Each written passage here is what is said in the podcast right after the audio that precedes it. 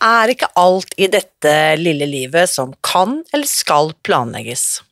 Og har du tenkt på hva som er mulig hvis du bare lar ting skje?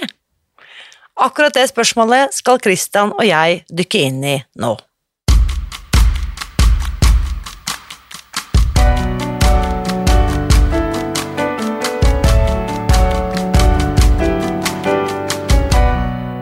Mitt navn er Irina Lie. Jeg er journalist og forlegger, gründer og sosial entreprenør. I 2015 spiste jeg meg fri fra overvekt og fedme etter å ha slitt med vekt, kropp og følelser i nesten 30 år. Etter at jeg knakk koden, ga jeg meg selv et nytt oppdrag – å dele denne kunnskapen med alle som trenger det. I denne podkasten kan du derfor høre hele lydboken Spis deg fri. Den finner du ved å bla deg tilbake i arkivet og lytte til første sesong. Hver uke inviterer jeg nå gjester som gir deg påfyll til hodet, hjertet og magen. For min visjon er å endre Helse-Norge, og det får jeg ikke til alene. Du bidrar ved å abonnere på podkasten, skrive en omtale i iTunes og tipse meg om hvem jeg burde invitere hit. Da setter vi i gang med ukens episode. Ja, da har vi bikket over i september, og dermed kan vi vel slå fast at høsten faktisk er i gang, sånn eh, helt eh, offisielt. Og før vi starter høstens første podkastepisode, vil jeg gjerne gi deg litt uh, bakgrunnsinformasjon om uh, det som skal skje nå. For denne høsten, høsten 2023, kommer nemlig til å bli litt annerledes her i podkasten. Jeg har rett og slett bestemt meg for å spinne en rød tråd gjennom de neste månedene som eh, Hvis jeg skal finne ett overordnet ord som kan eh, beskrive det hele, så kommer dette til å handle om energi. Det vil si energi, meditasjon og tanketeknikker, i mangel på eh, et bedre begrep. Og kanskje lurer du på utover høsten, hva i all verdens navn har alt dette med spis deg fri å gjøre? Vel, uh, den enkleste forklaringen jeg kan gi deg, er vel at når du har spist deg fri en stund, sånn som jeg da blant annet har gjort, så opplever du at livet kan handle om så vanvittig mye mer enn mat, kropp og følelser. Og det er alt det andre eh, som jeg har lyst til å dykke ned i denne sesongen. Så førstemann ut sammen med meg på denne reisen er altså Christian. Det er en mann som har betydd svært mye for meg de siste par årene. Og faktisk, fra aller første gang jeg møtte ham, så visste jeg at denne fyren, han må være med i podkasten en dag. Og det skjer altså nå. Jeg vet ikke om jeg skal si så mye mer enn at uh, ja, dette blir litt spesielt, for da Kristian og jeg først satte oss ned for å ta denne praten, så skjønte vi veldig fort at én episode, det er ikke nok.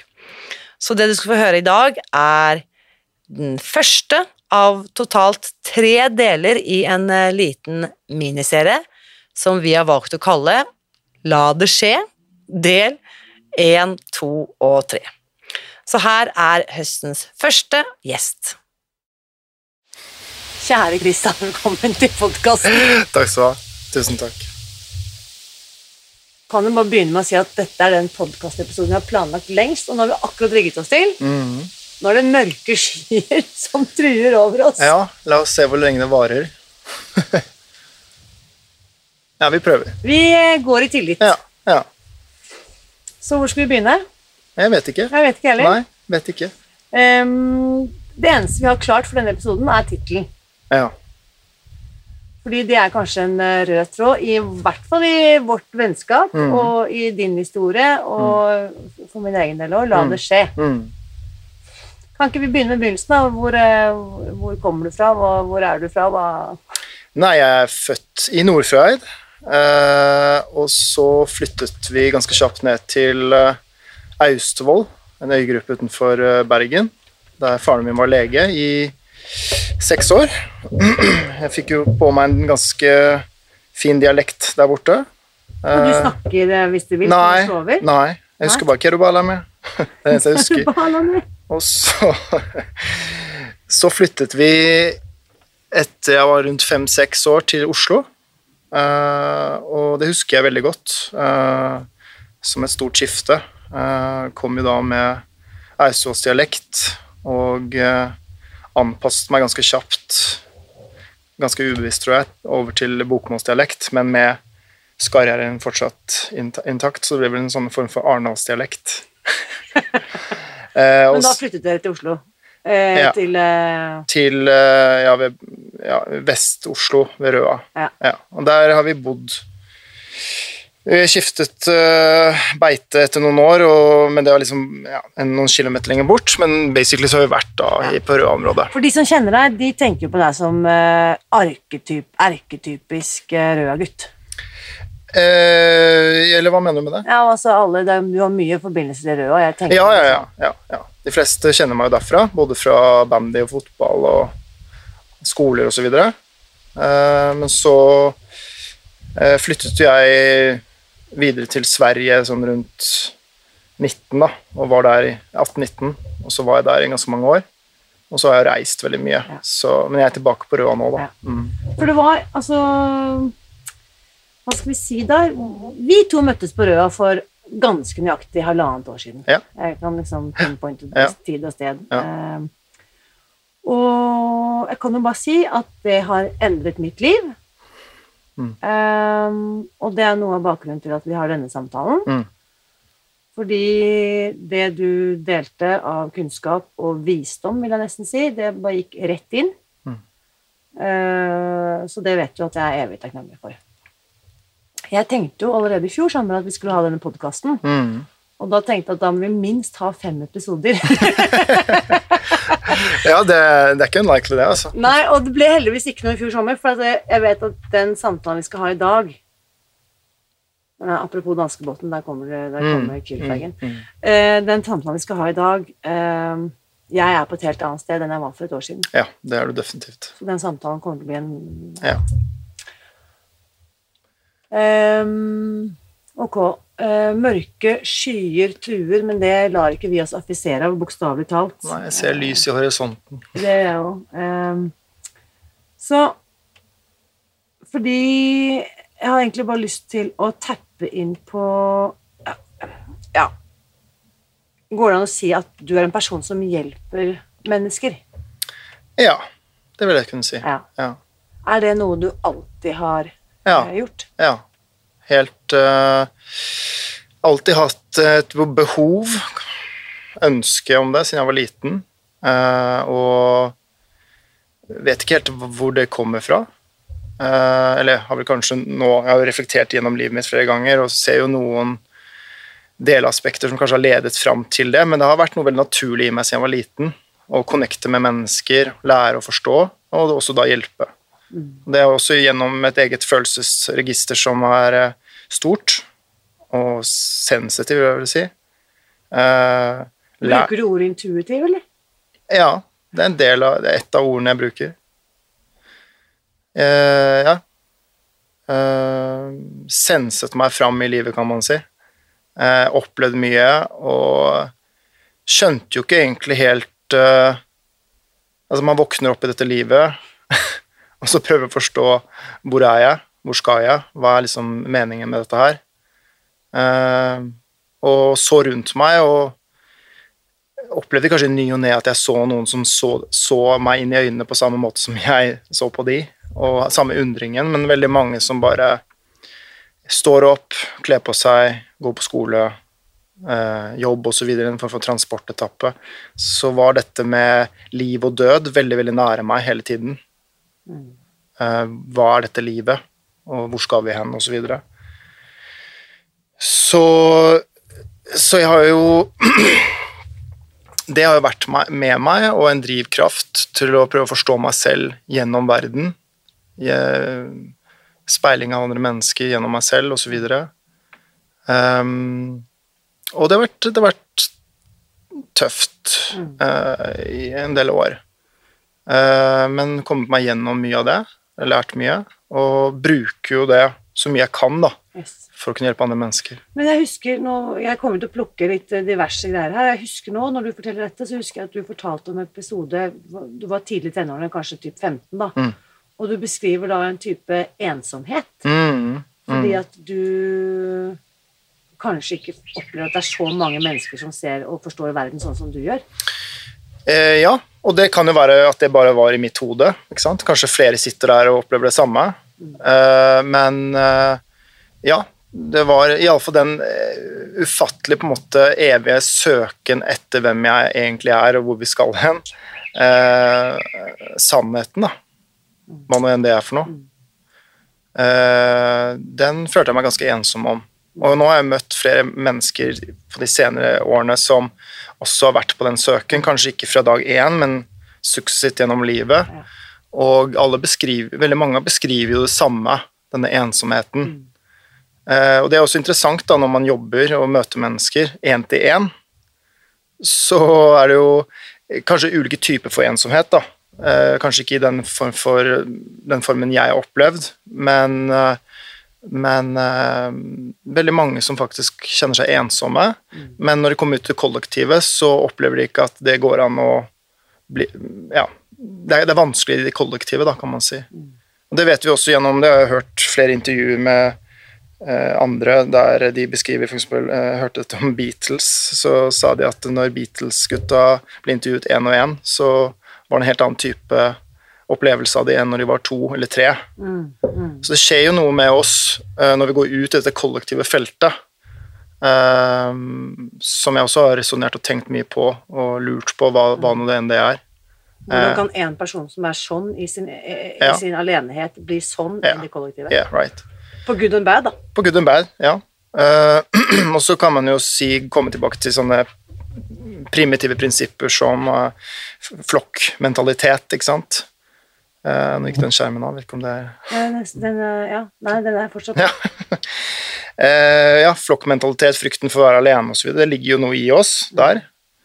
Uh, men jeg har vel også opplevd noe Jeg tror de fleste Vi har jo hørt uttrykket når man kommer inn i et rom, så kan man sense at noe er galt eller off. Hva er det for noe? Og jeg føler vel at jeg kan strekke den, de reseptorene ganske mye lenger ut enn de fleste andre. Ja. Eh, Det er ikke noe jeg har villet, men det er noe jeg har suksessivt forstått etter ganske mange opplevelser. At jeg fanger opp noe veldig kjapt, veldig tidlig, veldig sterkt. Og det var jo ikke så lett når man var ung, å skille mellom det og deg. Det der ute, det som er Ja, på innsiden. hvis man nå føler det så sterkt som at det er sitt eget. Hva er det for noe? Så eksempelvis så kunne du plukke opp sorg. Sorg, aggresjon, men veldig mye sorg. Og så- kan man jo si at du kan uh, Veldig mange sier jo dette at du kan jo ikke føle noe du ikke har på innsiden. Hvilket kanskje er sant, men det er jo kan si, to ulike saker som kan multipliseres. Du kan ha sorg. altså Alle har vi jo gått gjennom noe. Ubearbeidede sår, sorg. Eh, men så har noen av oss lengre, tror jeg, reseptorer enn andre, som de kjenner gjennom kroppen sin, enn andre. Eh, det har jo kommet opp en del eh, Det har vært litt tematikk siste årene om oversensitive barn osv. Og, uh, og jeg kjenner meg igjen i noen av de beskrivelsene. Eh, og så kan man diskutere mer hva, hva er det for noe. Hvor kommer det fra? Eh, og eh, Eftersom jeg har lært, og jeg har måttet lære, fordi uten å forstå eh, hva som er andres og hva som er mitt, og catche det i tide, og lære hvordan jeg skal på en måte beskytte meg og jorde meg, så blir det jo en invadering kontinuerlig, som jeg også tillater på et eller annet nivå. da. Ja. Og eh, det betyr ikke at det er andres feil, men det skjer. For Men- du kan har ikke lært å beskytte Nei, deg, Nei, jeg visste jo ikke det som barn, for Nei, det var jo sånn jeg skrev noen tekster om da jeg var liten. Var, vi lærer matematikk, språk, norsk, historie osv. Eh, Men hvem lærer oss å være mennesker? Hva innebærer å være et menneske? Mm. Og ikke bare eh, et stykke kjøtt som transporterer kroppen sin et eller annet sted, men, men også tankene og følelsene våre. Eh, Hva skjer når vi blir redde, f.eks.? Hvor flinke er vi til å høre etter da? Hva, hvordan kan man oppleve frykt på ulike måter? Og dette er tekster du skriver når du er Eh, liksom- Nei, nei, nei, nå blandet jeg litt. Jeg, den tekst, de tekstene jeg skrev, var 'Hvem lærer oss å være mennesker'? Ja. Mm. Eh, hvor skal vi lære det hen? Og hvordan, hvordan, hvordan kan man lære det hvis man f.eks. ikke har Nå snakker jeg ikke om mine egne foreldre, nå snakker jeg generelt. Eh, når man har sine egne foreldre ikke har gått gjennom den reisen selv. Yes, exactly. Så, så du har jo dette med informasjon, kunnskap, versus den indre gnosis, ikke sant? Den I know, som ofte kommer etter hvert, med nok erfaring og ydmykhet. Forhåpentligvis. Eh, og det husker jeg også fra fysioterapistudiet mitt, som vi sikkert kan komme litt inn på, var at jeg kunne lese tekster om ledd, muskulatur og nerver og hva som kan skje osv., men det var jo ikke før mange år etterpå jeg hadde vært i klinikk og kjent og sett og hørt at jeg bare Ok, det var det de prøvde å beskrive der. Mm. Men eh, dette med dette med håndtering av eh, tanker og følelser og kropp, og hvordan dette skal henge sammen, det var et spørsmål jeg hadde veldig, veldig, fra veldig ung alder. Mm. Og så tror jeg kanskje, for her må vi jo bare ikke sant? Det er så mange baller vi kunne dratt opp på denne hatten, men vi må inn på Oh la la. Eh. Nei, la meg bare si det, ikke sant.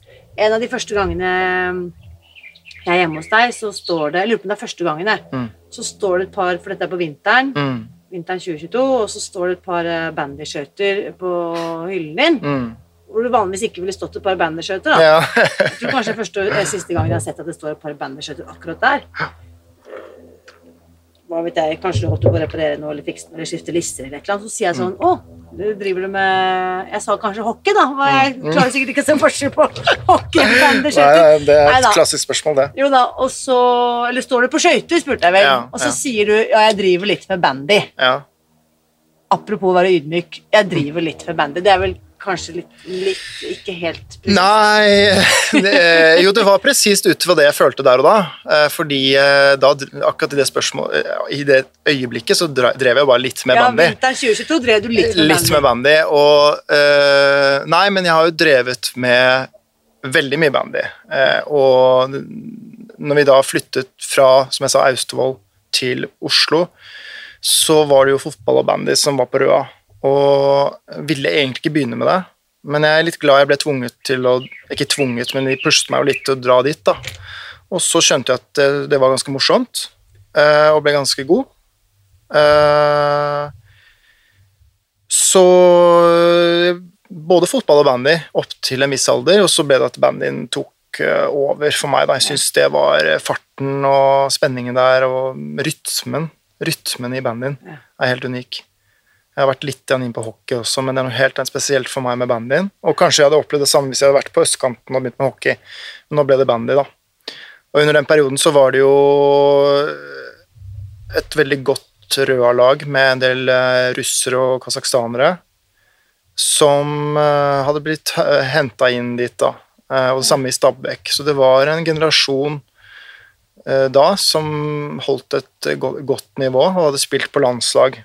eh, russisk og kasakhstansk landslaget. Så klarte det for meg å plutselig se de da, bevege seg på skøyter, med noen av de norske også, det var, det var ok, wow. Her er det noe Her, annet. ja, her er det noe annet. Her er det noe spesielt. Så, så jeg tok jo tak i eh, jeg å, Vi ble jo trent av noen av disse gutta, og så tok jeg fysisk tak i en av de og spurte om jeg på en måte kunne komme hjem og lære litt av han. Og Andrej heter han. Han er fortsatt i Norge nå. Og jeg er evig takknemlig for det, for han tok meg inn med en fantastisk varme og lærte meg alt fra barmarkstrening til å kjenne min egen puls, tøying, eh, spensthopp, tresteg Altså Og nå er du hvor gammel? Typ, Nå er jeg altså, når ja, ja. det skjer? 14, 13-14. Ja. Uh, for jeg så jo måten han bevegde seg på på skøyter. var bare liksom Og de andre russerne var bare De fløt på skøyter, på en måte. Uh, og det gikk så fort. Det var effektivt og vakkert. Ja. Så bare I wanna do that. Whatever you're doing, I wanna do that. I wanna have what. Exactly. exactly. så jeg var jo allerede en god spiller og hadde hoppet opp noen årsklasser og litt sånn, men, men det tok jo noen helt andre steg. Og det var ikke bare, det var ikke bare ren teknikk og at jeg lærte Jeg, jeg, jeg følte at jeg kom til en holy grail av informasjon. Det gjorde jeg jo. Men det var noe med tilliten og eh, varmen eh, og energien der som gjorde at jeg fikk en helt annen forståelse av meg selv og selvtillit, da, på et annet plan. Ja. Um, og jeg så resultatene ganske kjapt. da. Jeg var jo sulten etter å forstå. Veldig sulten. Så ja, da gikk det ganske fort, og så ble det jo som Det var juniorlandslag, og eh, kom til slutt opp på A-landslaget. Spilte først et sånt for presselandslaget mot A-landslaget. presselandslaget er eh, Det er de Det var iallfall før de som ikke var norske. Eh, det er det vel kanskje fortsatt. Som pressen, ja, pressen tar ut, da, eller oh, ja, okay. ja, eh, tar ut et lag som da ikke skal være på det norske landslaget. Nå har vel det endret seg litt, at det er en, det er en kombinasjon av f.eks. svenske eller eh, russiske spillere, eller finske spillere, og noen ganger de norske som ikke er helt sikre på om skal være med i A-landslaget. Så spiller de mot hverandre. Det skjer fortsatt. Eh, Da var det jo På 90-tallet så var det jo da jeg vet ikke, åtte-ni russere og svensker ikke sant? som var fantastisk gode. Så da slo vi jo A-landslaget. Eh, og det har skjedd før, men eh? Da, da, de holdt jo et veldig høyt nivå, ikke sant. Og mm, landslaget var bra, det òg da, de årene der. Eh, men det å få være da ved siden av de, det gjorde noe med meg. Ja. Og så kom jeg opp på A-landslaget. Hvorfor brukes da disse kampene for norske landslag å rekruttere sine nye potensielle Det er, teste, det er litt sånn for å teste hvor er vi nå før vi skal ut og matche. For du får jo et godt lag du Ja, møter. Og så er det vel også for å Du har en stor klunk med spillere som skal få en plass, og da Yes. er det noen som er litt sånn i diskusjonsforum. Eh, skal de plasser de, plasser ikke? Så du, det er jo en gyllen mulighet for treneren å kunne se hvordan de oppfører seg også, da, så ikke de må bare hvile en kamp, f.eks. Så ja. Så da eh, er du på eh, A-landslaget, Mm. og så det er jo linken til Sverige etter hvert. Ja, øh, det- jeg tror faktisk jeg, jeg spilte en finale for Røa, som vi da tapte i for seg mot Stabæk, som var veldig gode. Men da var det vel en artikkel i Aftenposten som jeg var med i. En ganske stor artikkel der. Og så hadde en trener som het Terje Foss, som jeg er veldig veldig glad i, som jeg fortsatt har kontakt med. En fantastisk trener. Han skrøt jo meg opp i skyene. øh, ja, fortjent eller ufortjent, det vet jeg ikke, men eh, det gjorde han i hvert fall. Og jeg var, jeg var veldig ung da jeg kom på A-laget til Røa, som var et veldig bra lag, og så snuste på A-landslaget veldig tidlig, og markerte meg vel på en eller annen måte, og så gjennom da denne Aftenposten-artikkel så ble jeg stilt spørsmål hvor ville du helst spilt. Så sa jeg jeg ville spille i Ljusdal, sa jeg i alle lag. Ljusdal, som er et helsingland. Eh, Helsinglag. Helsinglandlag. Ja, det er Midt-Sverige, cirka. Midt-Sverige, Ja, det du- var drømmen. Uh, ja, Spesielt folk ikke har hørt om engang. Well, well. uh, det er to rundkjøringer. Eh, ikke et stort sted, eh, men det var en spiller der okay. som for meg var den beste spilleren som jeg har spilt både mot og med. Og? Mikhail Svesjnikov. Han spilte der. Og han ja, han er vel den vakreste skøyteløperen jeg har sett noen gang. Og fortsatt en dag i dag. Selv etter, etter han sluttet. Så du er jo dette på 90-tallet, du er i slutten av Nei, dette, var- dette var jo da gjennom 90-tallet, og så kom jeg dit i i Jusdal i 2000 og 2000-2001. Ja, for det skjer faktisk, for når du sier det til han Aftenposten-reporteren Ja, Jeg vil dit. Og da kom de over, og så hadde jeg en kontrakt i hånda som Ja, kanskje de trodde jeg var eh, bedre enn det jeg var. Men jeg fikk i hvert fall en veldig god kontrakt. Men jeg skjønte jo ganske kjapt at jeg trivdes jo ikke der, da. Jeg var veldig ensom. Og allerede da begynte jo veldig mye av det som vi var inne på i første biten her, å markere seg litt, da. Dette med sensitivitet og sånne saker. Eh, og gruppedynamikk, som er et lite sånn paradoks, da. Dette med For jeg har aldri egentlig helt likt å være i så mye grupper. Men du driver med en gruppeidrett. Og lærte meg å, å liksom Håndtere, håndtere det, og også bli veldig glad i det til slutt. Uh, men jeg likte å ha store pauser etter å være alene. Liksom forstå hva det jeg har gått gjennom nå, f.eks. Og det får du ikke alltid tid til når du skal drive og spille hele tiden. ikke sant? Og fly med busser hit og dit og sånn. Uh, du trener jo og spiller basically hver dag. Så jeg, det, jeg var jo også Rett før jeg dro dit, så hadde jeg gått gjennom en, det var mitt første kjærlighetsforhold, som var, gikk veldig tungt inn på meg, så jeg var jo gjennom en litt sånn sørgeperiode da. Og plutselig så sitter jeg ute i et hus alene og bare ser utover en åker og sitter og venter på treninger. Um, og da hadde jeg heller ikke klart for meg hva jeg ville gjøre. Skal jeg studere noe? Hva skal jeg gjøre?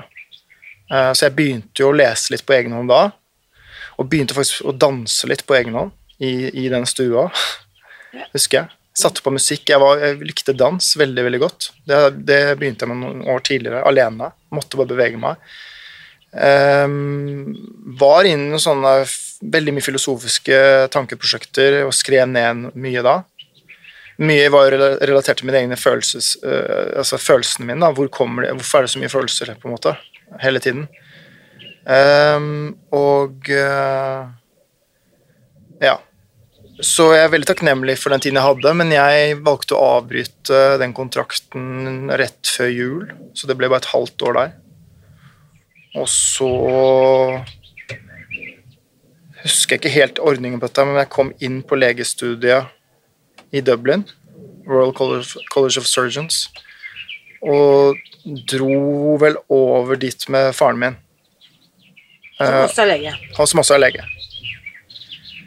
Så da var jeg i Dublin, og ehm, Men så plutselig så kommer en telefon fra Stockholm, Hammarby, som da var et topplag. Og de spurte hvorfor, hvorfor sluttet du. Fordi jeg hadde noen veldig veldig bra kamper i begynnelsen for Jusdal. Da jeg skåret vel tre-fire mål i første kampen og flere andre kamper. Men så skjedde det noe etter hvert eh, da med at jeg eh, Ja, det var en del saker som skar seg. Uh, bør ikke gå noe inn på det med det Justad-laget, med treneren. Um, så sa jeg bare at eh, nei, jeg bare likte ikke, likte ikke viben og følte meg ikke vel. Og så Dette var Stefan Karlsson som ringte meg, som var en fantastisk trener i Stockholm for meg. Sterk personlighet. Han ringer meg da fra Hammarby og spør vil du komme til oss. Da takker jeg nei. For nei, jeg, nå, er jeg, nå skal jeg til Dublin. Og så drar jeg hjem, og så Bare så for de som ikke kjenner Sverige, kan man si at det er som om Vålerenga skulle ha ringt, liksom? Etter topplagene, type eh, Ja, ja, ja. Sånn i Hvis du tenker hockey. fotball eller hockey eller Ja, ja, det, er, ja, det vil si. Det, er, det var det. Det var topp én eller to i Sverige. Ja. Med, med hele Sinkens dam som Ja, det var jo Du snakker om mellom 3 til 4 Altså på kampene, eller 5, 6, 7 på i semifinalen. Fordi i Sverige er bandy en stor idrett. Eh, veldig mye større enn Norge, i alle fall. Du har jo en finale som ble spilt for 24 000, og jeg tror det også var opp mot 39 000 når de hadde den i Telenor eller nå, Jeg husker ikke hvilken arena det var. Men jeg spilte tre SM-finaler til slutt for, eh, for Hammarby, og det var Tre. SM-finaler. Svenska, svenska mesterskapet på studentene. Altså. Det var helt insane. Det var de fire, på de fire årene så var det tre SM-finaler. Men vi tapte alle tre. men allikevel, for meg å være med på det, var, eh, det var helt For fantastisk. du takker nei, men du ender opp i Hammarby likevel. Ja, jeg takker nei, og så ombestemmer jeg meg noen måneder etterpå, og da husker jeg ringer opp han Stefan, og så sier han sånn Ja, men nå, nå har sakene endret seg litt, nå har vi hentet inn tre, tre andre. Men du kan ta en tur over, og så kan du få lov til å prøvespille. Og så dro jeg over, og så prøvespilte jeg, og da hadde jeg en kontrakt i hånda. En én pluss tre år. En pluss tre. Ja, så hvis du da klarer det første året, så får du tre år til. Så det første året var eh, Og så kom jeg da inn på fysio i, Sto i Stockholm, så da Ja, for du hopper av legestudiet i Dublin Ja. for å takke ja til Hammarby. Ja. Men da har jeg bare et teit spørsmål. Men, Ja.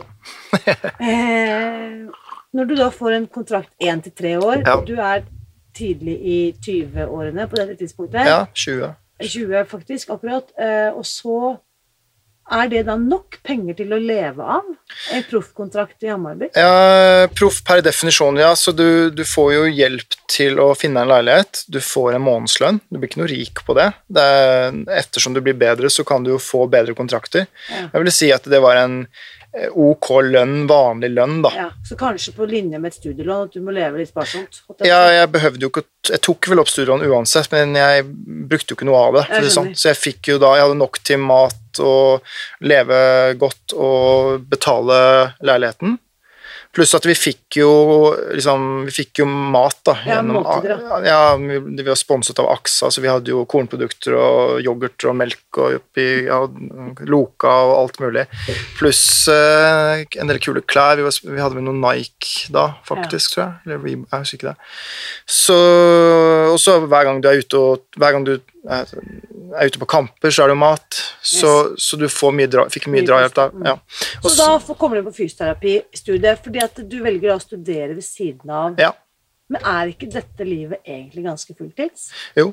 Jeg vil si at det er de to samtidig, det første året iallfall. For da skal du liksom Da må du prestere og markere at du klarer å skåre mål og være en del av gruppa og komme inn i gruppa. Jeg var den eneste nordmannen, selv om det er veldig mye likheter mellom nordmenn og svensker, så var det tøft eh, samtidig studere.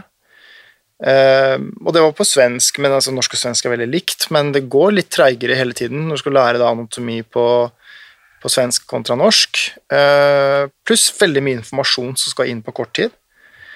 Så, så det var, jeg vil si at det var en sånn 140 eh, opplevelse med de to. Og jeg hadde jo ikke TV på de fire årene, så det var liksom opp om morgenen og, og så noen ganger trene, og så var det på studier, og så var det tilbake på trening. Og treningene i Hammarby var ofte tidlig, ikke sant. Det var ikke sånn at du ventet til kveld som du gjør i Norge, der alle jobber 100% Men eh, veldig mange hadde jobb, jobber i Hammarby og studerte, men de studerte veldig lite sammenlignet med meg. Eh, det var vel én som studerte til politi, men jeg vet ikke om han dro det ut. Eh, men jeg var fast bestemt på å kjøre da Jeg skulle ha de årene, maks, makse ut. Og det, det hjalp meg også litt, fordi jeg hadde andre ben å stå på. Det var deilig å ha et annet eh, sted å gå hvis, vi, det sleit, hvis man sleit litt på isen. Så hadde jeg eh, eh, en stor gruppe med folk som jeg studerte med, og fikk tankene over på noe annet. Men eh, det, det første året var jo veldig viktig, fordi du blir jo også kjent med lærerne på den ene siden. Så selv om det til, til syvende og sist er sånn at du må jo bestå og få gode karakterer, så blir du jo kjent med professorene og, og lærerne, sånn at eh, hvis du på andre eller tredje året måtte være borte litt, og sånn, så kunne du klare å snakke med dem, for de så her er en seriøs student. ikke sant? Og det samme var jo med bandet din. Ikke sant? Men når du jeg er ukjent Så har du ikke noe å gå på. No. Så jeg var jo litt eh, Pluss at jeg var jo allerede god til å lytte til meg selv, da. kanskje litt for god, men jeg sa jo fra til Stefan Unge at jeg er eh, sliten. Jeg blir sliten nå. Eh, og det var sånn at jeg tenkte at det kan bære og briste, for jeg visste jo ikke hvordan han bemøtte det. Sliten? Hva faen, sliten skal spille kamp? Men ikke sant, det var flere som sto og ventet på å få spille, som var veldig, veldig bra. Så det var noen ganger, for det første året så var jo ikke jeg sånn at jeg spilte hver kamp. Han, det var et utrolig bra lag. Jeg tror de hadde, seks eller syv stykker som var på det svenske A-landslaget. Jeg var på det norske A-landslaget. Det er ganske stor forskjell. Vi snakker om ja, nå, Det er veldig store forskjeller mellom de. Så det er klart at det å komme inn på midtbanen der, det var tøft. Eh, så det var at jeg spilte hver tredje kamp. Og så Og jeg måtte jo lære om veldig mye av det jeg lærte i Norge. For i Norge var jeg så kjapp og sterk at jeg kunne gå for alle på skøyter. Så kommer du til Sverige, så er folk veldig kjappe og sterke der òg. og veldig, veldig smarte. Og mye bedre i det defensive. Så jeg fikk jo beskjed husker jeg, om å nesten gå ned litt på tempo og heller prøve å connecte med spillerne. Ikke sant? Det var jo ikke noe jeg hadde fått med meg så mye fra Norge. Det med å ha connection med hverandre hele tiden. Være, Ikke være individualist, men være ja, være alert med de andre, ikke sant. Så jeg måtte jo omskoleres der, og ble jo snakket til ganske skarpt både av noen spillere og Men er du med, eller? Er du her? Jeg bare, ja, jeg tror jeg, tror jeg er her. Vet ikke helt. Så Så men jeg, men jeg husker jeg hadde med meg den følelsen at ja, men vet du hva, jeg skal studere, og hvis det nå blir slik at dette ikke funker, så har jeg studiene, og Men jeg trente jo vanvittig mye, og så det var en periode i første året der jeg kjente at nå går det ikke bra, nå får jeg ikke spille, og jeg finner ikke helt min plass. Men så hadde jeg en eller annen indre tillit til at det skulle bli bra, og så plutselig så fikk jeg en mulighet, og da var vi ganske nære sluttspillet. Og um, så plutselig spiller jeg en kvartfinale og skårer to mål, og så får jeg spille en til og en til og en til. Og så ble det plutselig semifinaler mot Sandviken hjemme og borte hjemme. og Så ble det best av fem, og så skåra jeg et veldig avgjørende mål da, på den siste før en finale. Og da husker jeg at han, Stefan skrev et lite sånn brev til meg om at du har gjort deg fortjent til en plass blant de elleve som skal spille en finale. Og det var stort, veldig, veldig stort for meg. Så, men tilbake til dette med å si fra. Jeg sa jo liksom at uh, nå er jeg sliten, og da så han jo helt dumt på meg, men så etter hvert så fikk han et litt sånn smil rundt munnen, for han fikk jo da muligheten til å spille andre inn, som også var veldig, veldig bra. Og en, jeg tror han fikk en form for respekt for at han her er ærlig. At kanskje du skal la en annen spiller få lov til å spille som er i toppform, som er keen, enn at jeg skal gå ut her med et vondt kne og mm. Uh, være halvt. da. Og Det er en sånn diskusjon hele tiden. Skal du liksom eh, skal du, skal du okke deg over småsaker, liksom? Eller, men vi snakker om det, jeg var veldig veldig tappet, veldig sliten og ikke var helt med. Så ga jeg meg liksom et det, det, skjedde jo ikke mange ganger, men det kanskje på noen treninger kunne jeg si fra oftere, men ikke få til kamper så tror jeg det var én eller to kamper. Men da fikk andre spille, og det var jo karer som jeg hadde blitt glad i, ikke sant. Så til syvende og sist så skulle vi jo kjempe om den plassen. Så når jeg da til slutt fikk den finaleplassen, så hadde jeg veldig vondt av de som var kjempetalenter, som har fortsatt i mange år etterpå og blitt vanvittig bra. Så Det er egentlig noe jeg aldri har tenkt på, at du faktisk konkurrerer jo mot dine lagkamerater mm. helt til dere er på samme lag. Ja. Og så skal dere være kollektiv. Ja. Så dere er egentlig ikke fiender, men er konkurrenter. Ja, mm. og så må det vel et eller annet tidspunkt bli en sånn at konsensus om at laget går før alt annet, yes. som kommer da ovenfra og ned. Og hvis ikke det er blitt implementert, så har vi et problem. Ja, For da har du elleve egoer på banen. Exactly. Ikke, ikke ja. Mm. Og det ser du mange eksempler på i andre lagidretter eh, der, der, du ikke har fått det implementet. Så blir det en som drar i den retningen, og en som drar i den retningen. Og eh, Så jeg tror veldig mange ville heller valgt et lag med kanskje litt lavere kvalitet hvis alle jobber i samme retning, yes. kontra et lag med masse kvalitet alle drar i ulike retninger. Eller det holder med én eller to som ikke gidder å ta det defensive arbeidet. Spiller du på dette tidspunktet fortsatt på A-landslaget i Norge? Ja. Da, ja. Okay. Jeg, jeg, var jevnt i A-landslaget fra rundt 2000 til 2016. 16 år. Men jeg, jeg sa nei noen år. Uh, under den tiden i Hammarby, også noen andre ganger, av ulike grunner. Men jeg bare lurer på da, hvor, Hvordan kan en nordmann spille på det svenske Ok, dette er jo det skjønner, Er ikke det, Må man ikke være svensk? Nei, Nei for jeg spilte på det norske A-landslaget. Ja. Du spiller i en svensk klubb. Ja, ok, Så det var sånn eh, cupfinalegreie? Ja, nei, du spiller i en svensk liga. Der kan jo alle mulig spille. Ja, Men når du spiller for et landslag, så spiller du for din nasjonalitet i et VM. Så, ikke sant? Yes. Så det er mot VM, øh, mens jobben din er for klubblaget. Yes. Mm, dette er et veldig vanlig stilt spørsmål. Jo, men jeg, ikke sant? Takk for at jeg får lov til å mm. være den dumme her. Nei, nei. Eh, hvor, for du ender jo opp i VM også. Ja, det, så nå spilles jo VM da, Det er med norske landslaget, som sagt. Og det spilles jo hvert år, ikke hvert fjerde år. Så det var veldig veldig stort de første årene for meg, i hvert fall. Eh, eller det burde jo vært det hvert eneste år, men du vet når du kommer veldig ung inn og får være med, og, da, og så drar du til Russland, og så spiller du for eh, Jeg tror Murmansk var mitt første år. Da var det vel jeg vet ikke om det var 15 20 eller 30 000 som står der i minus 10 grader og ser på deg spille. Eh, en helt annen verden. Helt annen verden. Så jeg har vært i Russland eh, mange ganger. Murmansk, Moskva, Kemerovo og Irkutsk, som er i Sibir, og så forbi Sibir, ut i Khabarovsk, der du basically kan se over til Japan, tror jeg. I hvert fall det er helt Siste utpost. Ja, samme Var det bredde eller lengdegrad som Vladivostok, som er endestasjonen for uh, transsibirske. Ja. Um, og det har vært helt fantastiske opplevelser, altså. Så du spiller i VM, mm. for det norske Ja. landslaget. Mm. Eh, da kan jo jeg si det, trenger ikke si det selv, men du blir jo også tatt ut på Allstar-laget. Ja, det var en, et år eh, jeg ble tatt ut til det. Kan du bare fortelle hva Allstar-laget er? Eh, ja, det er turneringens lag, da. Eh, det, det året VM spilles. Som er svenske, russiske, finske, norske, eller de som er i den høyeste ligaen, da. Så det var eh, Jeg husker ikke hvilket VM det var, men det Men eh, Hvem er det som velger det, setter sammen Altså det drømmelaget, da. Hvem er det som setter sammen det? Er det pressen, eller er det Eh, det husker jeg faktisk ikke om det er. Det er en del av, jeg tror det er pressen og kanskje Jeg vet ikke om det er pressen og dommeren og en del av trenerne eller et eller annet sånt. Men, men eh, ja, så jeg var oppe og Det var vel det året jeg spilte i Hamarby. Uh, og jeg lurer på om Jeg er litt usikker på om det var i en sånn Rosia-turnering, som er en prøveturnering, eller om det var i Men det er, det er like mye kamp. altså Det er like vanskelig som VM, egentlig. Men jeg husker at det var Jeg hadde på meg grønne hansker, så det var Hamarby-perioden min. Uh, men, men, så jeg var oppe og touchet der, men jeg har aldri blitt værende på det nivået. Jeg eh, ga meg jo ganske kjapt etter det. Eh, jeg hadde de årene i Hammarby, og eh, det var vel egentlig da jeg kunne liksom prøvd å manifestere meg blitt værende i Sverige.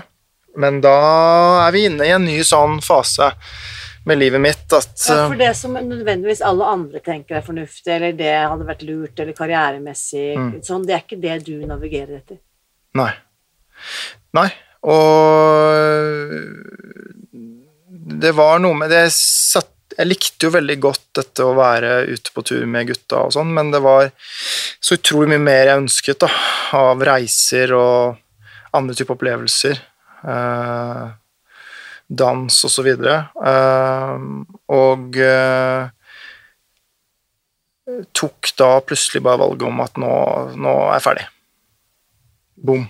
Sånn på, Ja. nesten på dagen. Slå av en bryter. Og rett etter SM-finalen. Eh, Jeg ble jo aldri helt ferdig, for det, det er sånn du, blir jo ikke ferdig. Men eh, på, ferdig med Hammarby. Ja, ferdig med det nivået. Eh, og det var nok på en måte altfor tidlig. Altså, kunne holdt på i mange år til, eh, til og blitt mye bedre og manifestert Eller hva heter det? Ja, Etablert. etablert meg der. Mm.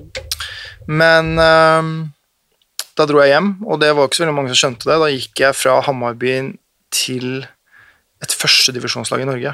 Ikke eliten engang, men førstedivisjonslag. Det var ganske absurd. Da husker jeg liksom at jeg husker SM-finalen med 24 000, og så husker jeg at jeg så moren og faren min klarte å se de plutselig på finalen, blant den ene Det var 10 000 der, og så plutselig ser jeg de. Jeg bare det var på oppvarmingen. Og så, noen måneder eller etterpå, så plutselig så er jeg inne i en ishall og spiller med førstevisjon i Norge. Med tolv tilskuere på tribunen. Ja, det var jo en trening bare, men så husker jeg vi spilte en kamp, og da er det jo nesten ingen å se på, ikke sant. Så det var en kontrast, kan man si. Og eh, jeg hadde jo da spørsmål fra veldig mange svenske klubber i mange år etterpå, men jeg bare nei, nei, nei, nope. Ja, Vi kan jo faktisk si, Jeg husker det i fjor. Når vi, vi liksom Det var jo ikke helt Det var enda en annen svensk klubb som hadde vært frempå frempå. Ja, det var flere år etterpå at flere spurte meg, og så, det, så begynner det å dabbe av, ikke sant? For de bare, nei, men han er, han er, han er gone, på en måte. Men, eh, nei, men jeg, det er, jeg gikk, jeg drømte veldig mye av bandet i mange år etterpå, og så fortsatte jeg jo, og sluttet og begynte igjen, og endte jo opp med å spille da en finale for Stabæk et år. Da vant vi den. Stabæk har jo vunnet veldig mye. Og da var jeg med i landslaget igjen det året og ble årets spiller i Norge. Eh, og så var jeg med de siste tre årene Nei, det var ett år til etter det, men rett før jeg sluttet, så spilte jeg tre år for Reddy i Oslo. Og det, det var tre fantastiske år. Så I hvert fall de to første der. Da spilte vi til slutt Eller spilte to finaler, første og andre året. Og eh, andre året vinner vi. Og det var første gang på 88 år. Og det, ikke sant? Da spiller du for en, en del tusen tilskuere, men det er jo ikke i nærheten av svenske SM-finaler. Men det var, det var sterkt. Det var veldig, veldig sterkt. Og jeg, det kommer jeg ikke til å glemme, faktisk. Den følelsen der etterpå. Det var en fantastisk konstellasjon mellom unge, eldre spillere, svensker og nordmenn, og vi klarte å samle dette her gjennom to veldig gode trenere. En av de, eller Begge to kjenner jeg fortsatt godt, og spesielt en av de. Uh, han ene er nå landslagstrener for norske landslag, faktisk. Mm. Men det som jeg syns er interessant, da, det er at uh, ingenting av dette her er egentlig planlagt. Du, du, lar det skje, sånn som vi snakket om. Ja. ikke sant? Ja. Fordi dette er jo egentlig bare begynnelsen på en lang historie. Mm. Hvordan du, også fysioterapien, du Mm. begynner jo som fysioterapeut. Du har vel en klinikk et eller annet tidspunkt på Røa? Og, Ja, ja, ja, så jeg var jo ferdig utdannet fysioterapeut siste året for Hammarby. Og så drar jeg til Norge, og da får jeg først en jobb i Tyrkia. Så jeg drar til Tyrkia og jobber med poliopasienter der. Det var en kul jobb, men slitsom, men en kul jobb. Jobbet med en lege der. Eh, og uh, Så det var postpoliopasienter i åtte uker. Eh, og så hadde jeg en jobb ventende på meg eh, fra en kiropraktorklinikk som da hadde fått navnet mitt via eh, selvfølgelig en bandykontakt. da. Ja. Her er han som Og jeg hadde også vært inne i Olympiatoppen. De hadde også spurt meg om å være med på et prosjekt der. Det var tidligere idrettsutøver som hadde blitt fysioterapeuter, da, som het noe sånn Next Generation. Så jeg var med på noen turer der òg. Noen fri- friidrettsevner som fysioterapeut. Hvilket var litt absurd, for jeg var jo ikke, liksom ikke helt ferdig med min egen idrettskarriere sånn i sjelen. ikke sant? Men eh, jeg bestemte meg å begynne da på denne kiropraktorklinikken, men da jeg har jeg et eget rom der som fysioterapeut. Allerede da så har jeg det blitt, eh, hadde jeg fått ut tentaklene på litt andre områder. da. Mm. Jeg har vært innom eh, altså Jeg hadde lest litt av medisin på egen hånd, for det var jo det jeg skulle begynne med. Kinesisk medisin, urter, meditasjon eh, og noe som heter biontologi. Eh, så opp sammen med fysioterapien, så så begynte jeg å implementere da det du kan kalle alternativ medisin. Mm. Og jeg var veldig tydelig på det. da. Liksom, dette er fysio, dette er alternativ medisin. Yes. Fordi det skjønte jeg veldig fort at her, du, her kan man trå gærent. For det var noe med medisinens verden som jeg alltid hadde elsket. Jeg hadde jo en far som var lege, en farfar som var professor i medisin og lege. Onkelen min er lege, eller var lege. Jeg tror kusina mi ble lege. Um, og uh, det var liksom dit jeg skulle. Og uh, det var jo basert på å se hvordan uh, de oppførte seg, og ble, hvordan de ble snakket om da, av mennesker. Og de ville jo hjelpe mennesker. Og eh, Men så hadde jeg vel nok sett veldig mye på disse årene, da, og følt veldig mye om I hvert fall i forhold til kroniske issues. Så klarte jeg ikke å helt få det til å stemme. Eh, hvordan så mange kunne være kronikere med alle disse medisinene osv. Og, så begynte jeg å lese meg opp litt på bivirkninger, og fikk jo sitte én til én med både faren min og flere andre som fortalte litt om hva de opplevde på kontoret sitt. ikke sant?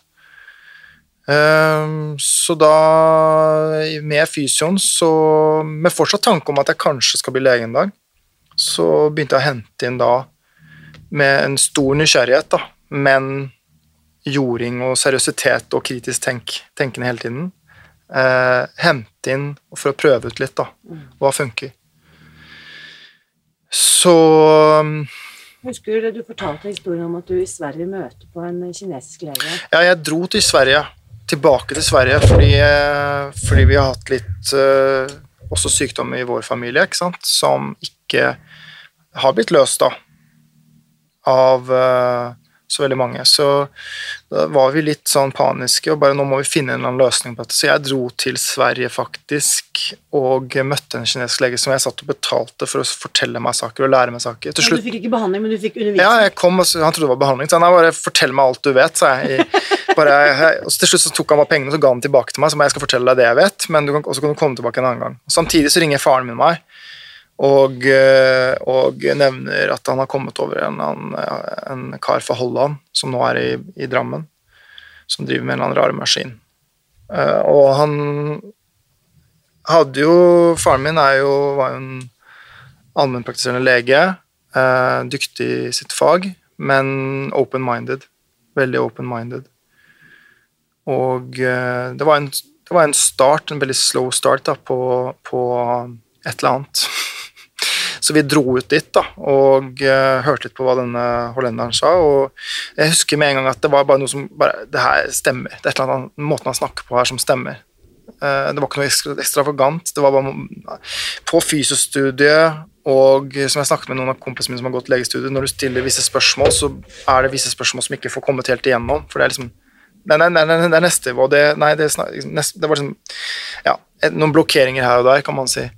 Um, veldig mye når du stiller spørsmål om en eller annen form for uh, diagnose, så er det et eller annet Nei, men det vet vi ikke, men sånn er det bare. Sånn er det bare. Ja. Uh, så har det blitt litt bedre på noen områder med forskning osv., men så Fortsatt er mye sånn Det vet vi ikke, eller don't ask why. Jeg, ja. Mm. Og uh, så har det jo vært en epidemi med kronikere, ikke sant. Mm. So whatever you're doing is not really working. Mm. Uh, med noen unntak. Og du ser jo også da pasienter som har uh, et stort arsenal av piller, der 70% av pillene er for å ta bivirkningene til de 31. Ja, Uh, eller om det er omvendt, det vet jeg ikke, men det er iallfall en stor prosentandel som er liksom å få ta bivirkninger osv., og, og er jo helt neddopa, på en måte. Og så selv så gikk jeg gjennom astma. der er ble besatt på astmamedisiner. Men jeg sa hele tiden til både faren min og han lungelegen at det føles at når jeg spiser, det er da jeg føler at jeg ikke får puste, og da blir det slim. Nei, nei, men du har astma. Sånn er det bare. Det ser vi på testene så var det at jeg dro ned Igjen så er det jo noe som med Holland, da, for jeg kjørte jo da bilen min ned til Amsterdam, alle steder. Eh, det var også sånn En innskytelse? Ja. Jeg skulle egentlig over, opp til nord, og så bare valgte jeg å svinge til høyre istedenfor. Ja, måtte få nødpass, husker jeg. nødpass? Ja, jeg tror jeg måtte få noe eh, For det, jeg vet ikke er reglene, men jeg skulle helt ned. Du må jo ha pass når du kommer lenger sørover der. Men uh, så stopper jeg bilen min i, i, Amsterdam, og så bare går jeg der kroppen min sier den skal gå. Noe som vi kan snakke om mer etter hvert. Og uh, ender opp hos en kinesisk lege med masse urter. Og, og så legger jeg bare fra armen, han sjekker pulsen min. Ja, for de har jo den andre pulsen, den der kinesiske pulsen, holdt jeg på å si. Ja, de sjekker av puls, og det forteller deg noe, ikke sant? Yes. Mm og uh, titter litt på meg, og så sier han bare lever og hjerte. Jeg bare Ok, whatever that means. Gi meg noen urter, setter noen nåler, de urtene tar jeg med meg. Så blir jeg værende i Amsterdam noen uker da, hos noen venner.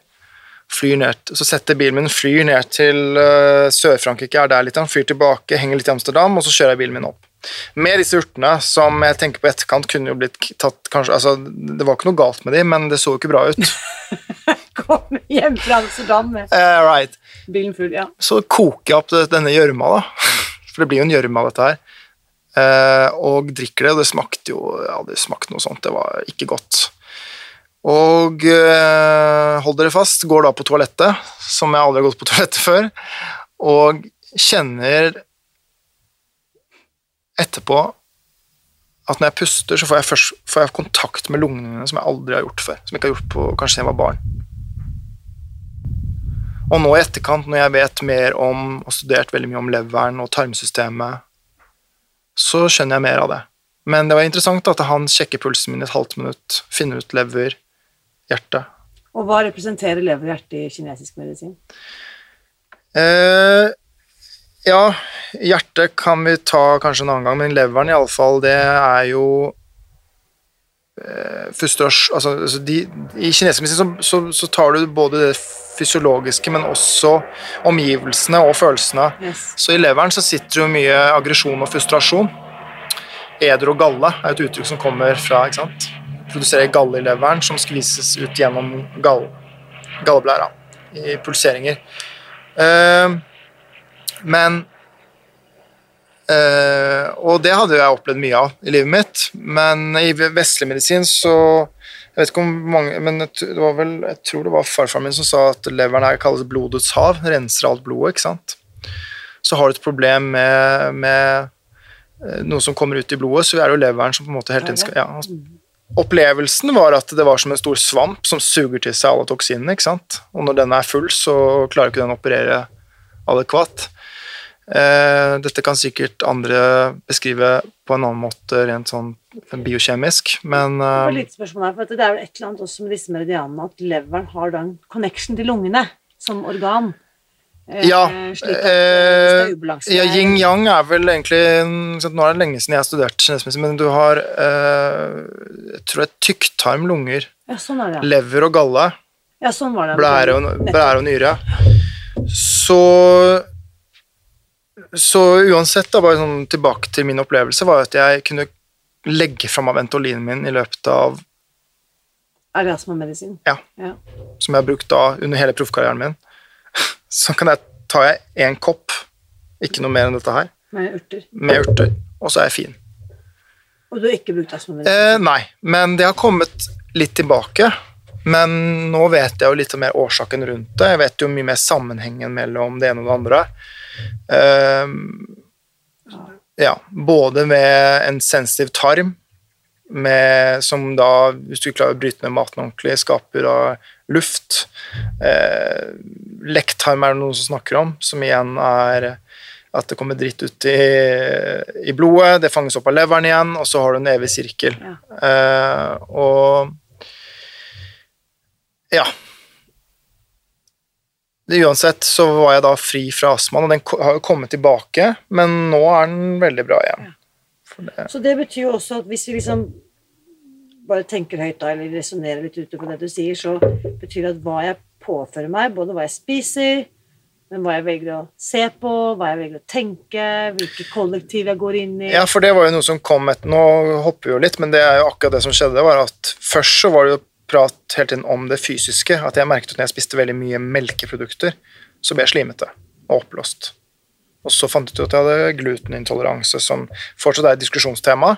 Det kanskje handler mer om giftstoffene enn selve gluten, men det, uansett, det er veldig, mye, er veldig mye mat som vi nå ser er prosessert. Hva gjør det med tarmene? Eh, og så videre. Toksiner og giftstoffer som kommer inn i kroppen, Ja. som folk bare har fnyst av før. Men, men eh, sammensurium av hva du tar inn.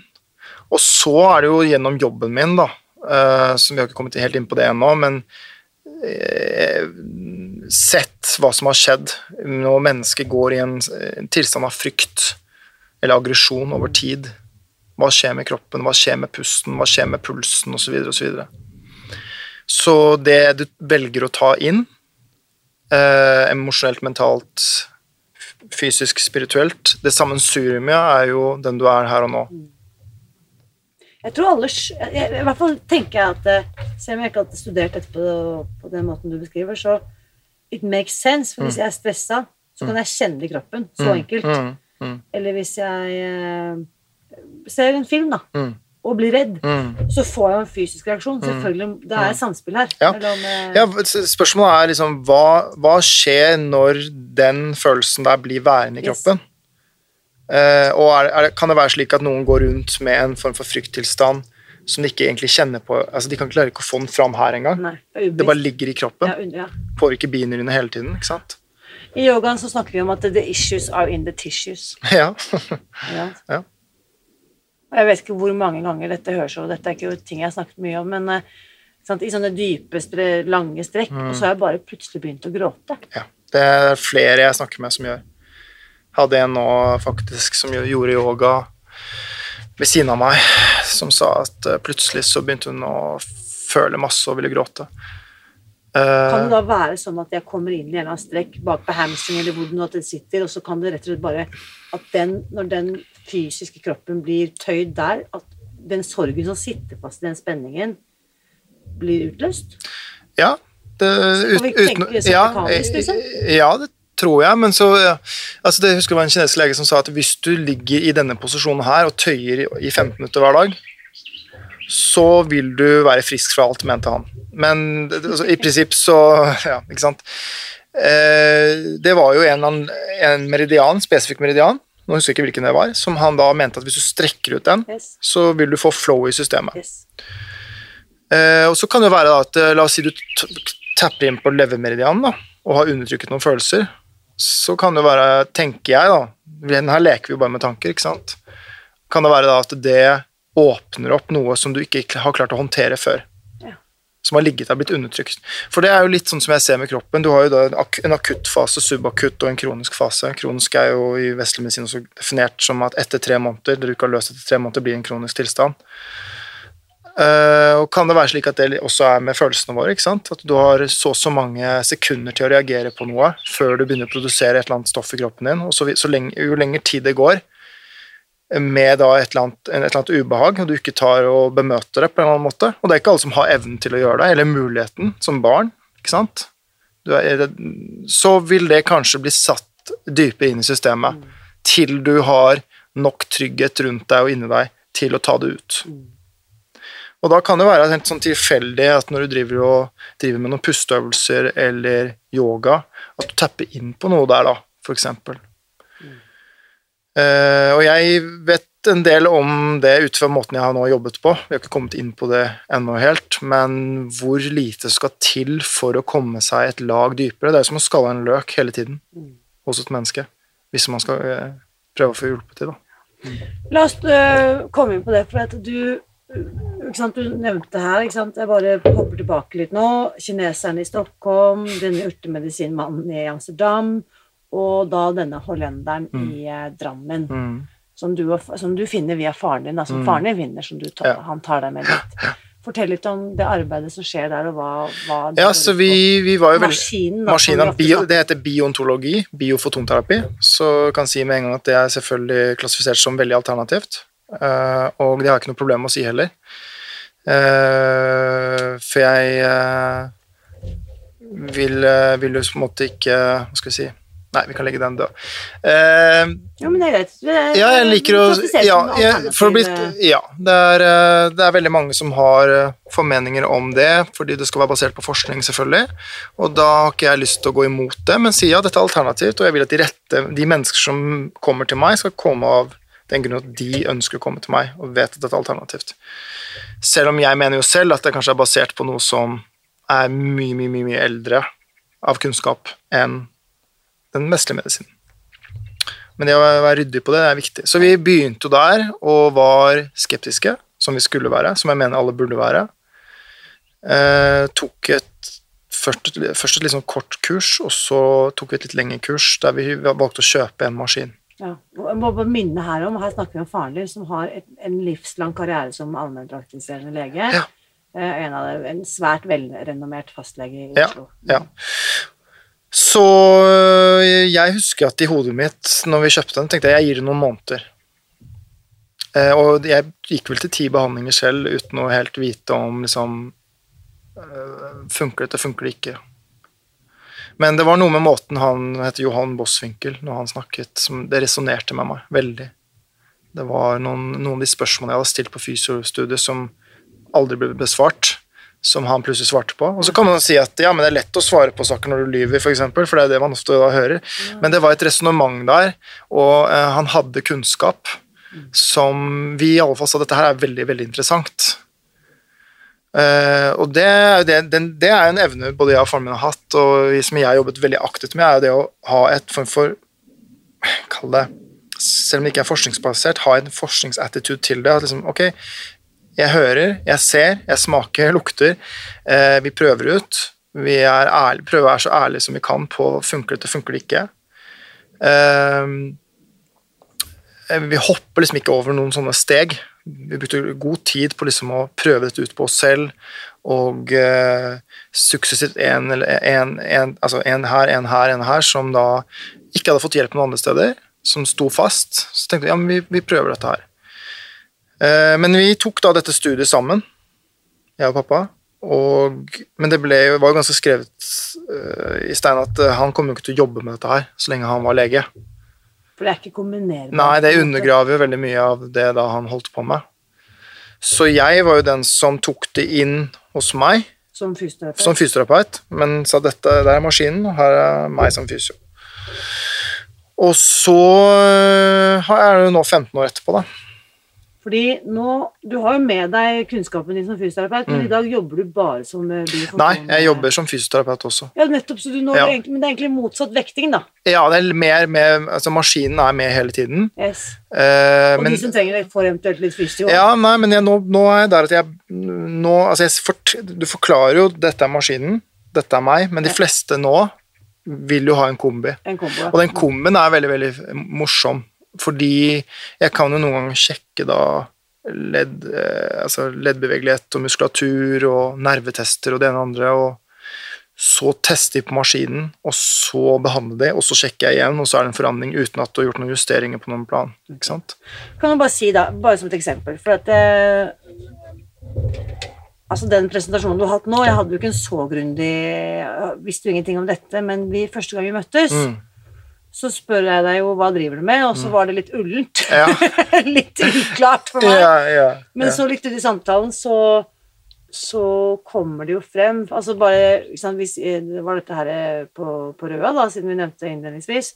Og vi sitter tre venninner, hvorav hun ene kjenner deg. Mm. Så når du kommer og skal ha deg en kaffe, så er det jo egentlig helt tilfeldig at du slår deg ned ved dette bordet. Ja. Men ingenting er jo tilfeldig, det vet vi jo. Bare, ikke sant? Godt. Så husker jeg på slutten at jeg spør deg, men eh, ok, hva er nettsiden din? Ja, ja, ja. altså, hvor, liksom, hvor kan jeg, nei, jeg har ikke nettside. Men Nei. ok, men hva er liksom Instagram, eller hvor er, her- hvor er Facebook-siden din? Hvor er, altså, Nope. Nei, Nope. finnes ikke. Nothing. Finnes ikke. Finnes ikke. Så men hvordan kommer jeg da, hvordan kan jeg liksom booke en behandling? Nei, men da må du ha telefonnummeret mitt. Ja. Ja, men eh, hvordan Ja, og så husker jeg du også til og med sa Men jeg svarer bare på de meldingene jeg får folk jeg kjenner. Så hvis du har tenkt å sende en melding, så må jeg faktisk skrive det navn. Altså du måtte liksom lagre noe. Så Mm. hvis ikke ukjent opp, så sluser du det vekk. Yep. Så du er ikke lett å få tak i. Nei. Men så jeg kommer jo til deg, og da husker jeg ganske tidlig eh, For jeg er jo så nysgjerrig, ikke sant? Jeg, Ja, det er du. Ja. og da husker jeg i hvert fall at veldig tidlig eh, Jeg tenker at Dette høres for godt ut til å være sant. Jeg tenker jo det. Selvfølgelig. Mm. Ja, of course, ja. Ehm, og så skjer det noe veldig rart. Jeg, vet, jeg har kanskje fortalt dette før, men uh, tidlig våren 2022 Mm. så husker jeg du spør meg på et tidspunkt om Turudea. Altså, hva Ja. heter det? Skjoldbruskkjertel. Skjoldbruskkjertel. Mm. Om jeg har noe issues med skjoldbruskkjertelen? Men nei, nei, ikke noe trøbbel med det. Mm. Ok, Stoffskifte, ikke sant? Mm. Og så er jeg senere hos en kiropraktor som også jobber liksom med energier, da, for å kalle det det. Mm. Han spør meg om det samme. Her Mm. er det jo noe greier. Mm. Nei, nei, nei, det var jo sommeren 2022. Så kom jeg til oktober 2022 hvor jeg begynner å få svelgetrøbbel. Mm. Og da ble jeg først eh, tatt noen blodprøver og sånn. Ikke noe tegn på noe Hva heter det? THC? Hva heter det? Ikke THC det heter? Det heter det, De der Ja, ja. markørene. Ja. Eh, bla, bla, bla. Eh, THC er vel virkemiddel, virkestoffet i cannabis. Det er noe helt annet. det spiller ingen rolle. ja Og så får jeg svelgetrøbbel, og så ser de på ultralyd mm. høsten 2022 at Mm. jeg har forstørrelse. Mm. Eh, Hva er det de kaller den sykdommen, da? Altså hypertriose Ja, altså at den har eh, svulmet opp. Den er ja, struma. Struma. Påbegynnende struma. Ja. Og da plutselig klikker det inn. Ja. Vent litt nå. Det var det Christian spurte meg om for seks måneder siden. Det som ikke blodprøven kan påvise, det som ikke fastlegen kan kjenne. Eh, og da fikk jeg litt sånn der bakoversveis. Mm. Eh, ok, her er det For alt starter jo med energi, mener jeg, før det blir en manifestert i kroppen. da. Ja. Så, så eh, Vi kan jo komme inn på blodprøver litt, da. Men eh, jeg mener jo at de fleste blodprøver er Hvis du ser noe der, så er det allerede litt seint, på en måte. Yes. Med noen unntak. Og eh, det vi leser her, er kvaliteten på lys som kommer ut fra de områdene. Det er bare kvaliteten på lys, rett og slett. Og der så jeg det var dårlig energi. Der droppet det veldig. Er Fant fant jo ikke ut med en gang hva det var, men jeg kunne i hvert fall si at her, her er det et eller annet som gjør at det ikke er bra energi. Mm. Og Derfor stilte jeg spørsmål til deg. Og så måtte jeg kanskje hatt mer tid med deg for å se hva er det som kan ligge og forstyrre deg. ikke sant? For der ser jeg jo mye? Vi vet jo at uh, i leveren så omdannes T4 til T3 hvis leveren er full av altså, Det er min erfaring. Så dette er kanskje helt gresk for en som driver med vanlig allmennmedisin, men jeg har jo funnet veldig mye tungmetaller, aluminium, kvikksølv, bly og formaldehyd. Ulike Hvordan deler. får vi oss disse tingene, da? Hvordan, hvordan ble jeg utsatt for formaldehyd, f.eks.? Formaldehyd er jo et eh, konserveringsmiddel som brukes i, jeg tror, jeg tror til og med det er en jeg tror noe som heter The Changover. Det er en, eh, nå digrerer jeg litt, men det er en øl i Thailand som heter Chang. Og du får en The Changover, hangover altså, fra den, for de har formaldehyd i den. Jeg vet ikke om det er en spøk, men eh, de mener Jeg har hørt det, da. Men eh, jeg, altså Det er jo noe som har blitt brukt til å beholde seg mer inn lik med, f.eks.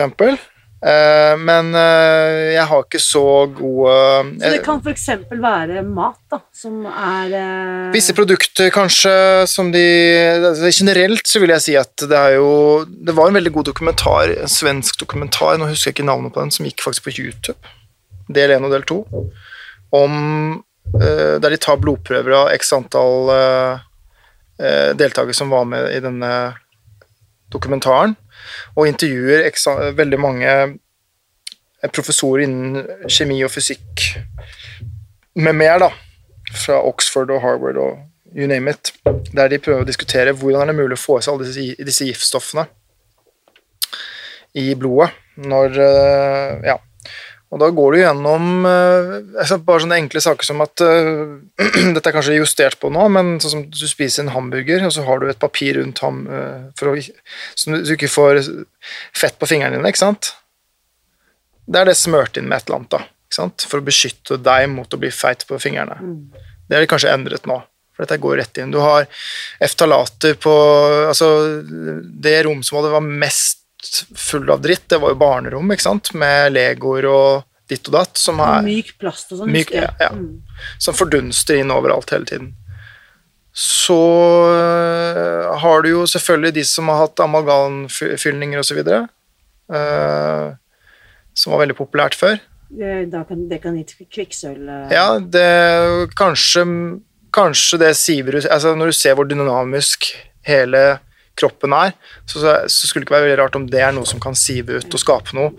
Og også de som da har valgt å ta det ut, så er det greit å ta det ut hos en, en, en, en tannlege som virkelig kan ta det ut på en god måte, for det kan da skje noe i den prosessen.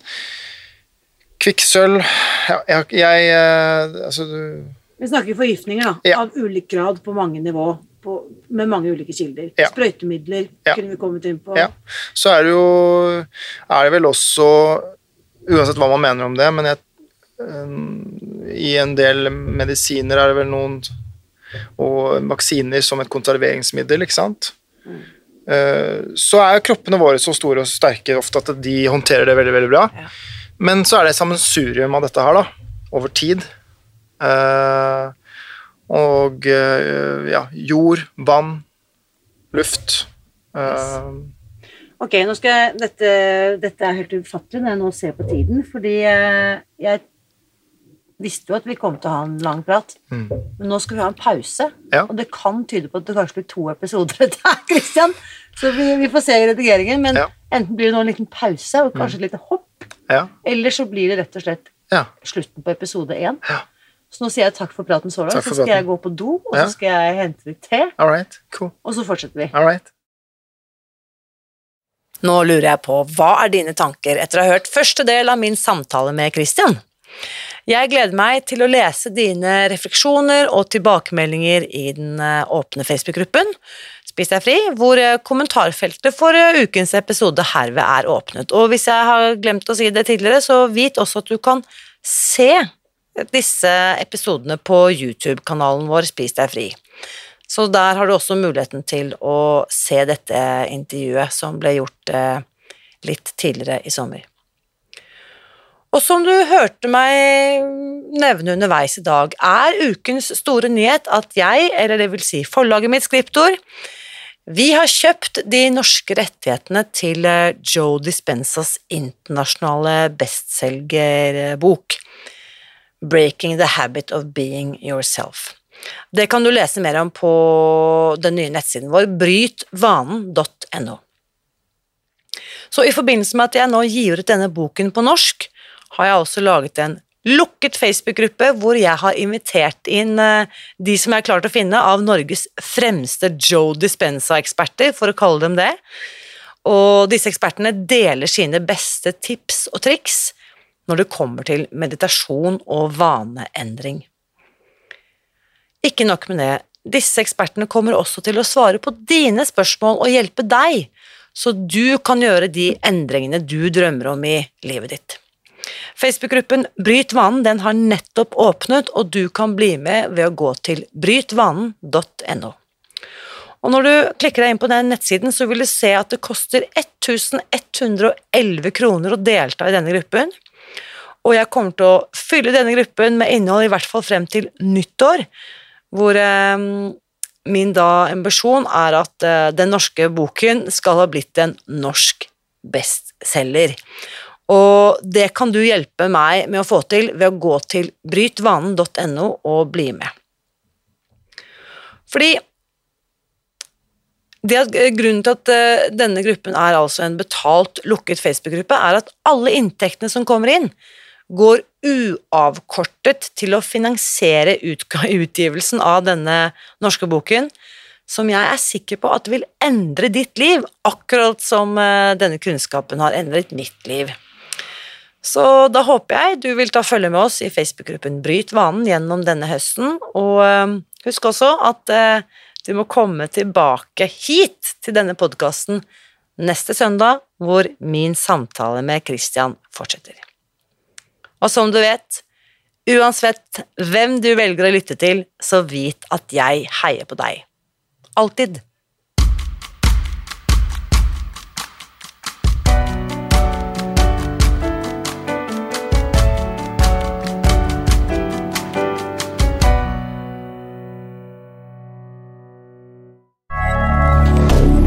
moderne media.